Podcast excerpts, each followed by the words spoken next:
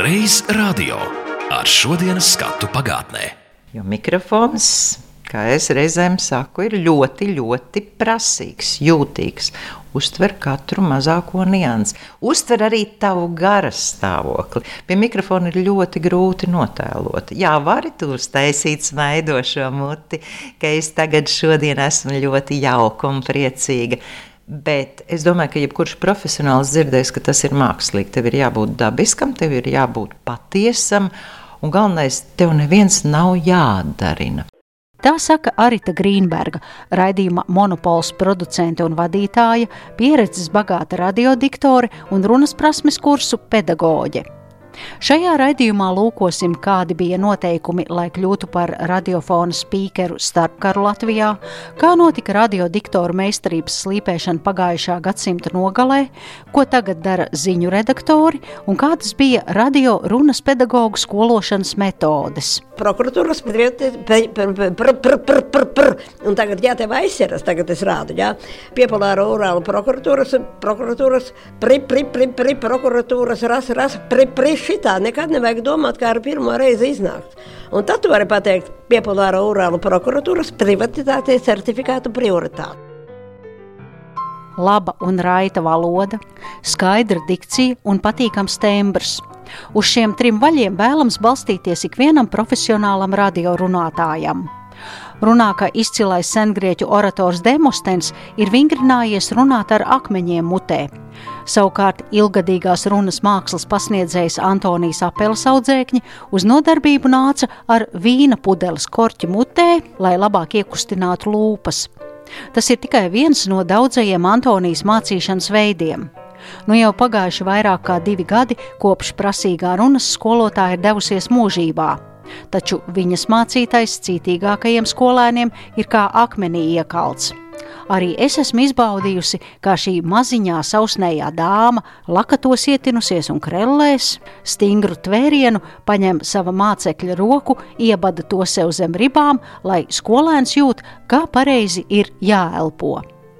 Fragments no 2015. gada intervijas ar Antoniju Apeli. Cilvēkam vajag, ja viņš domā, ka viņš varētu runāt uz skatuves teātrī vai televīzijā, būt diktors vai kaut kāda raidījuma vadītājs vai radio, tad viņam jāzina, ka vispirms viņam ir jābūt ļoti paklausīgam artikulācijas aparātam. Tātad lūpas, žoklis, mute. Otrkārt, jābūt labi nostādītai balsī, kuru mēs e, nesūtam taisnā ceļā no balss saitēm. Bet kurai jāiziet ceļš caur rezonatoru? Tur garš ceļš ir.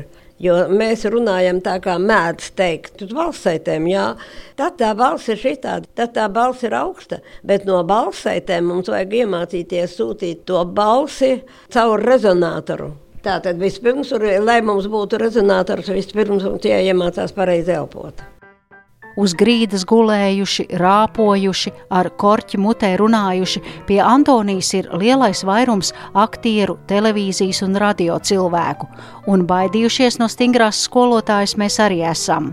Arī tagadējā runas mākslas pasniedzēja, bijusī diktore Arita Grīnberga, atceras savu skološanos runas arodā pie Antonijas apeles.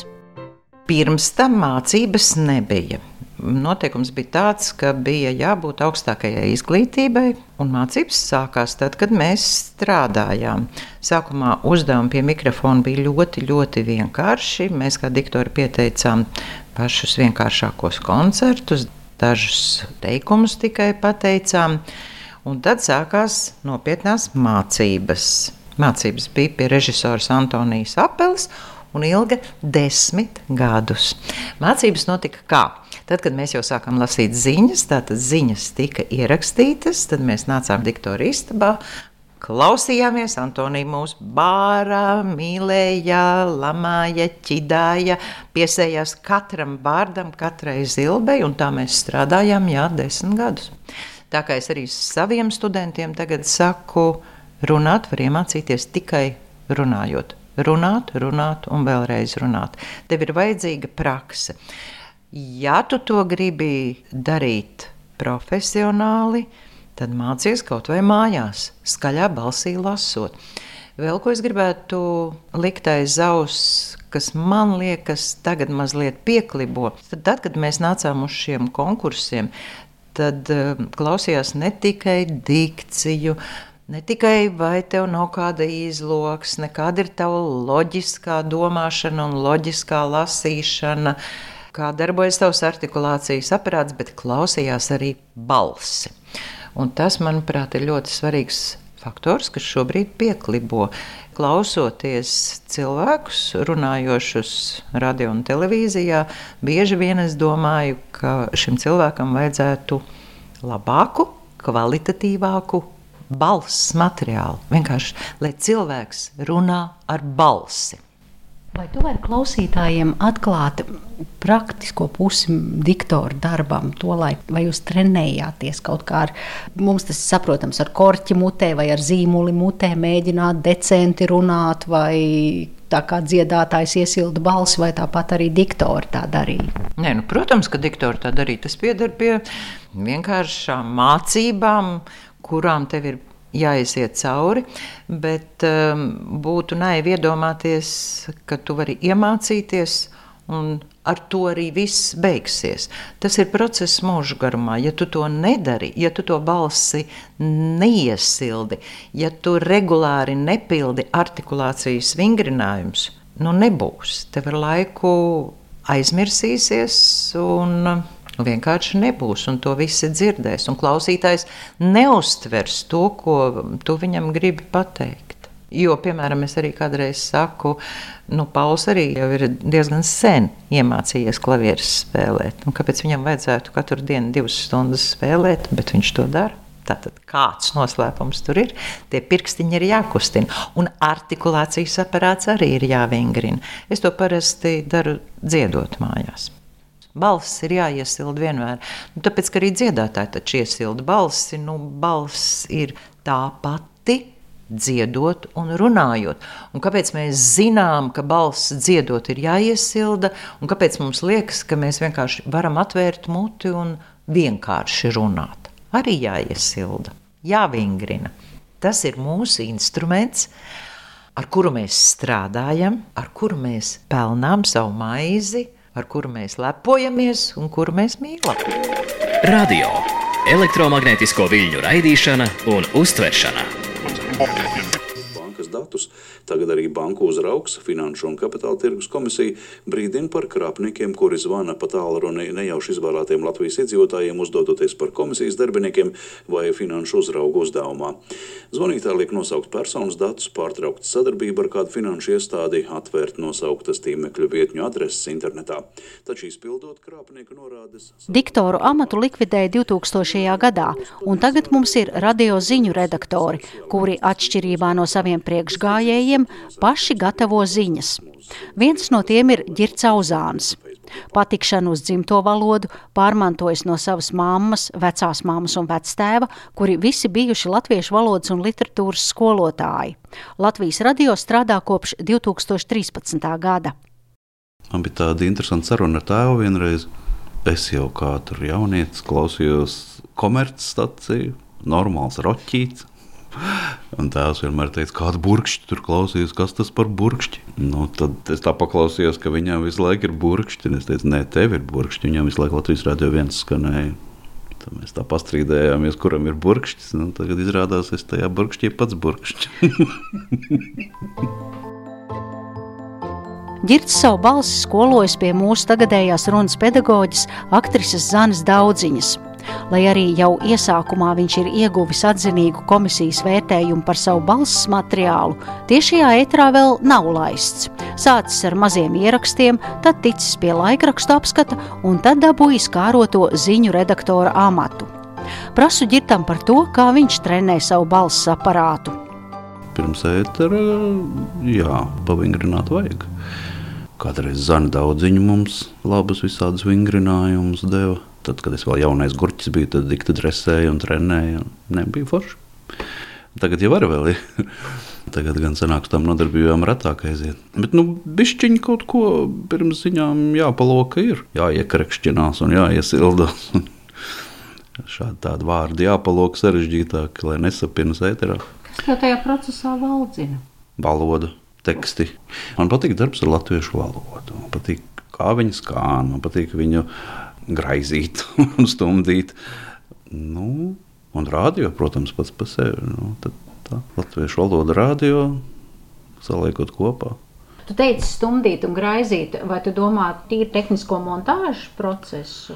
Nē, savirknēt uh, teikumus skanīgāk nekā ir piemēram kaut vai tajā pašā letā. Ja, ja ir letā uzskaitīts kaut kāds savs faktu klāsts, tad pasniegt to drusciņā skanīgāk, drusciņā saprotamāk, interesantāk, vieglāk uztveramāk. Vēl pirms pāris gadiem runas mākslu radio pasniedza Aina Matīsa, kura arī bijusi tautas kino aktieru studijas vadītāja un ir Latvijas Kultūras akadēmijas asociētā profesore.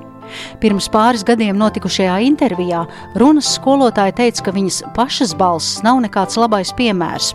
Skaidro, ka daļa no balss pirms vairākiem gadiem palika guļot slimnīcā uz operāciju galda, jo pēc smagas operācijas Ainai Matīsai tika paralizēta viena balss saite. Laime ir tā, ka viņa vispār var runāt, un neraugoties uz šo balss traumu, vēl ar vienu mācīt citiem strādāt ar balsi un arī ar valodu vārds problēma, kas eh, skaidrojumā nozīmē jautājums. Pasaulē ir daudz jautājumu, par kuriem var strīdēties. Tā rakstīts skaidrojošā vārnīcā. Ja? Bet mēs tagad vienmēr runājam. Man ir veselības problēmas, naudas problēmas, dzīvokļa problēmas. Mums vairs nav grūtību, sarežģījumu, moku, mocību, smaguma, sūrmes, posta, negala. Man ir elle mājās, ķēzas un ķibeles. Mēs runājam, ka latviešu valoda ir ļoti nabadzīga. Mēs vienam vārdam varam astoņas nozīmes līdzīgas runāt. Priekšvēsture Ainas Matīsas radio balsu skološanai ir meklējama viņas dzīves biedra, režisora Arnolda Liniņa darba gājumā, kurš arī savulaik radio pasniedz runas mākslu. Pēc Liniņa aiziešanas mūžībā Aina Matīsa tika izraudzīta kā viņa darba turpinātāja. Tie jau bija laiki, kad ziņas lasīja paši to gatavotāji, un diktori vairs nebija vajadzīgi. Tomēr, ja šajā raidījuma ciklā lūkojamies uz radio vēsturi, tad kopā ar Ainu Matīsu noskaidrosim, pēc kādiem kritērijiem savulaik izraudzījās diktorus. Nebija tā kā tagad, kā radiožurnālists ir vienā personā arī runātājs. Un bija ļoti krasi nodalīts. Diktori jau paši nerakstīja tos tekstus. Viņi tikai lasīja, un tie bija cilvēki ar labām balsīm kuri konkursos tika atlasīti un vēl mācīti. Vai jūs varat paskaidrot radioklausītājiem, ko nozīmē patīkams radiotembrs? Es uzreiz man pirmais piemērs, kas nāk prātā, jūs varat mani koriģēt, ja mēs runājam par sieviešu balsīm. Jo zemāk, jo labāk. Nu, man patīk, ka jūs sakāt, jo zemāk, jo labāk. Jo mums ir ļoti daudz tādas augstas, spēcīgas balsis, dzirdamas, un uh, daudz mazāk ir uh, alta balsis, bet vērojums, ko atkal tādi runas praktiķi raksta, ka vispatīkamākā balss patiesībā sieviešu balsis ir alta balsis. Tās ir siltas, mātišķas, un tāda balss, kādā mēs varētu iedomāties, ja mēs runājam tēvija vārdu tēvija. Ventspils jaunās autoras Ārijas Ozolas dzimtā puse ir Zilie Dundagas sili. Ar mežu arī sadraudzējās vēl ciešāk dzīvojot Staldenes zvejnieku ciemā netālu no Ventspils. Kur mājo Ziemassvētku lielais brīnums? Jūs teiksiet, kurš gan to nezina? Bet vai jūs jau to esat atraduši? Aleksandrs Daškovs labprāt tiekas ar dažādu iestāžu jauniešiem, un viena no dziesmām, kuru tautas mākslinieks izpildījis jauno klausītāju auditorijai, ir Arvīda Žilinska Miera valsts. Daļa no Volganga Amadeja Mocerta otrā koncerta Mežragam ar orķestri. Pavadījumu Arvīdam Klišānam spēlē mūsu simfoniķi ar Imantu Resni pie diriģenta. Ceturtajā daļā darbojās dzēnieks Rudolfs Plēpis, Ancis Vairoks, Ulda Sanže, Arturs. Šajos ierakstos skanēja Laumas amatnieces, Māras Eglītes, Māras Krontālis, Aritas Grīnbergas un Sandras Glāzupas balsis. Atgriežoties pie tām balsīm, jūs pastāstījāt par sieviešu balss tembru, vai es arī varu lūgt tagad skaidrojumu klausītājiem par vīriešu balss tembru radiofonisku? Nu, atkal tādu robežu grūti novilkt. Vienkārši mēs arī dzīvē dzirdam sabiedrībā, ka vienam cilvēkam balss skan ļoti brīvi, un viņš runā vārdu skaidri ar visām galotnēm. Pašu balss tembru var nu, mazliet veidot, bet tas tomēr ir jau no dabas dots lielākoties. Mēs varam viņu padarīt brīvāku, atvērtāku, bet pats skanējums tas ir tomēr tā kā līdzīgi. Var vēlēties dziedāt operā, bet ja tev nav tā balss, tu var tā arī vari palikt vēloties. Ja? Tikai varbūt uh, nav tāds tik krasts tas dalījums, tenors, baritons vai bass. Protams, arī tās zemās, sulīgās vīriešu balsis ir ļoti patīkami klausīties. Jums tas asociējās ar spēku, kaut kā ar tādu kā vērienu. Ikreiz ienākot studijā un aizverot smagās skaņa necaurlaidīgās durvis, gaidot iedegamies sarkanos signālu uguniem. Liekas, ka atkal notiks kaut kas pirmreizējs un arī neparasts. Kandava, Sabīle, Valdemāra pils, Dundaga, Slītere, Zilie kalni. Gājām kājām, braucām ar gadījuma mašīnām, ar autobusiem. Tas notika pavisam, var teikt, tā dīvaini, nejauši. Tika meklēta diktorija, šeit nācu uz aktieru ansambli un uh, Nelaiķis Feldmanis man deva palasīt avīzi un izteica tādas domas, ka es viņam ļoti piemērots diktors. Ja latvietim muce ir līdz kaklam, tas nozīmē, ka latviešu galva ir no muces ārā un vairs tajā neatrodas. Ar tādu latviešu galvu var kaut kas notikt, piemēram, tajā var ienākt kāda gaiša doma, jo vairs nav iespējams kārtīgi uzlikt. Jā, viņi tic tam tikpat cieši kā viens otram. Ja dārziņā acīs poruks ir latviešu zvejas geite, tad poruks dārziņā saskata latviešu mūzikas Mocartu. Viņa priecājas sastopot draugu, tāpat kā priecātos par vadzvaigzni. Kā skaniskus piemērus izvēlējos fragmentus no Borisa Podnieka, Ulda Deisona, Severīna Vilsona, Ērika Krama un Rihārda Kalvāna balsīm. Tiešais ēters.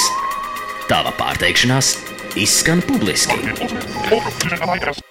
Laikraksts Rīts 1934. gada novembrī.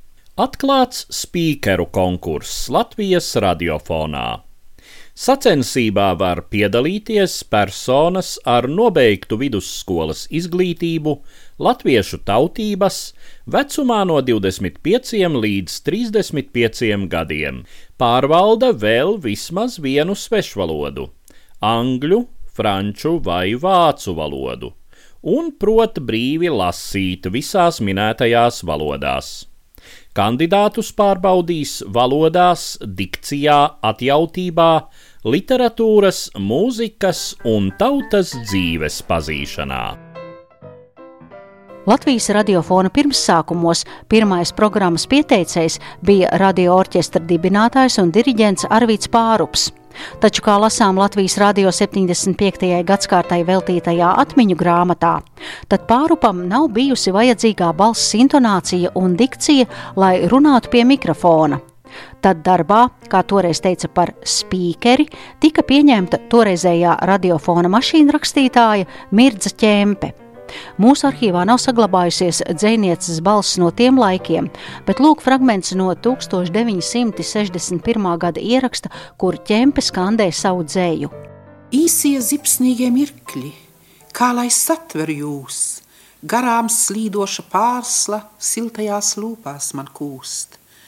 Īsos zipsnīgos mirkļos sirds sevi zaudē un gūst, īsie zipsnīgie mirkļi – dienas un gadi kļūst. Pati dziniece, atceroties spīkeres darbu, raksta šādi: Darbs radiofonā man ļoti patika, jo biju sakaros ar mākslas pasauli. Dzēniece, atceroties pirmās darba dienas, stāstīja, ka tikusi pārbaudīta politiska satura tekstu un ārzemju laikrakstu nosaukumu lasīšanā, un bijis jālasa arī tirgus ziņas par buļļiem un vistām.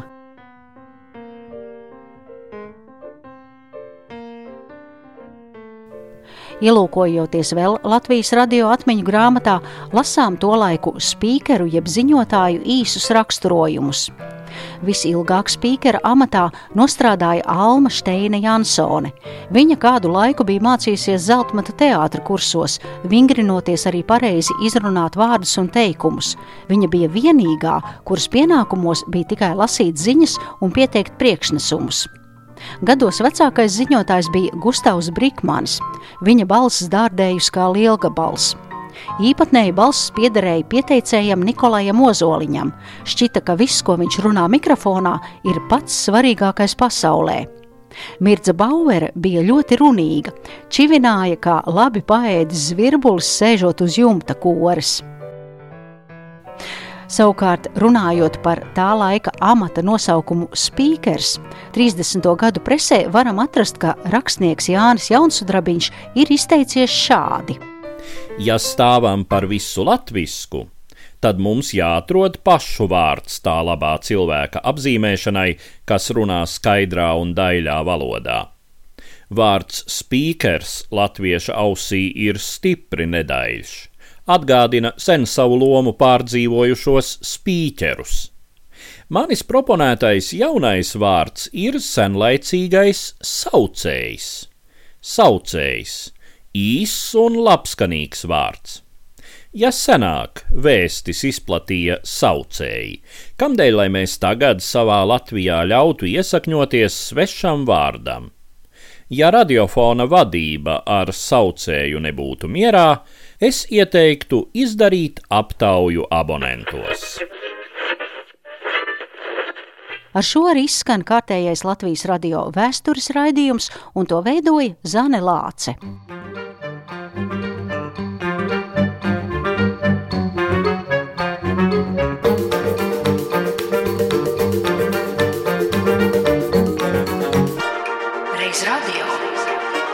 Reiz radio ar šodienas skatu pagātnē.